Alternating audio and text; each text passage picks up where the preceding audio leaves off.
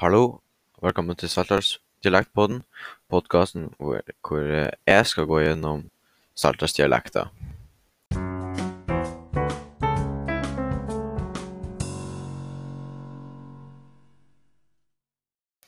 I første episode skal vi gå gjennom litt enkle ting om selve dialekter, og så skal vi gå gjennom noen ord som brukes i dialekten i dag, og noen gamle ord og uttrykk.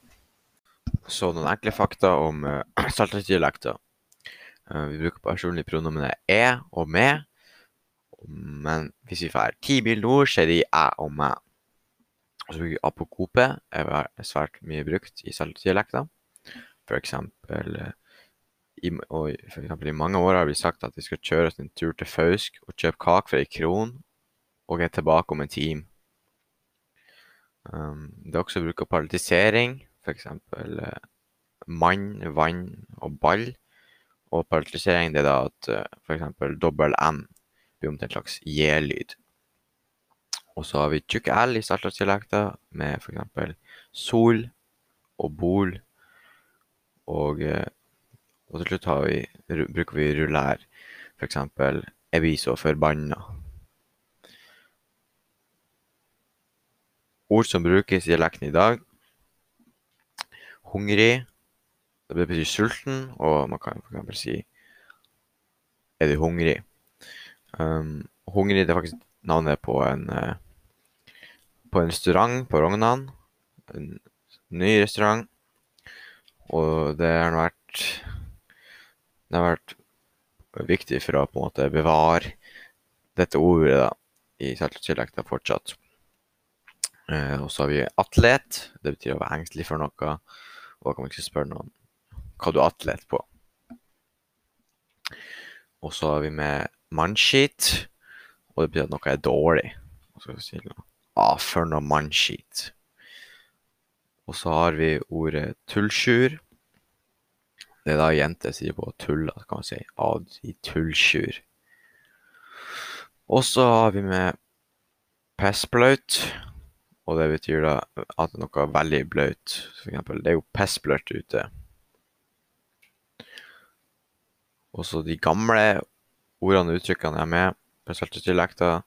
De har faktisk, jeg har vært hos mine besteforeldre og hørt med de hvordan uh, ord og uttrykk de har brukt mye av uh, de oppover i årene. Og da hadde jeg fått med meg Staute. Det er jo sånn fine, ordentlige folk, du kan si. Og de, de staute folk, de der. Og så har vi med karer, og det er mannfolk. Kan man også si staute karer. Altså fine mannfolk. Um, hoit, det betyr å rope. Og da du, at du hoiter, det er å rope. Og gan, det er en slags trolldom. Og det blir brukt sånn å sette garn på noen. Det har sett ondt på noen. I gamle dager så at hvis du setter garn på noen, så det skje noe dårlig med dem. Og sånn uttrykk, det er da når isen har gått i spotflåget, kan man sette potet. Og det betyr at når eh, spottflåget er en plass i Saltdal, og hvis du ser at isen har gått der, da vet du at det er på tide å sette potet. Og så eh, det siste ordet uttrykket er med, det er at man kan ikke nedlegge det. Man kan ikke tro noe. Jeg kan ikke nedlegge at du har fått en ny jobb.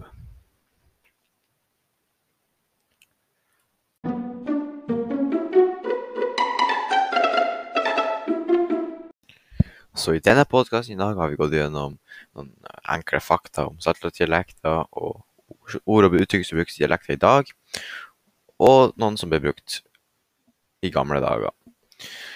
Og det har vært artig å måtte, få utforska dialekta mi og bli kjent med nye ord og uttrykk.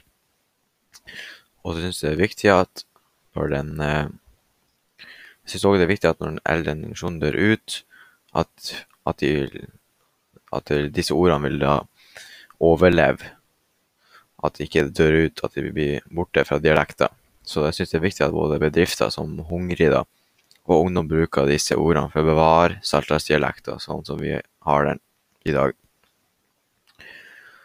Men nå skal jeg ikke atle så mye på med i dag, for jeg kjente jeg ble litt hungrig. Så vi snakkes i neste episode. Ha det bra.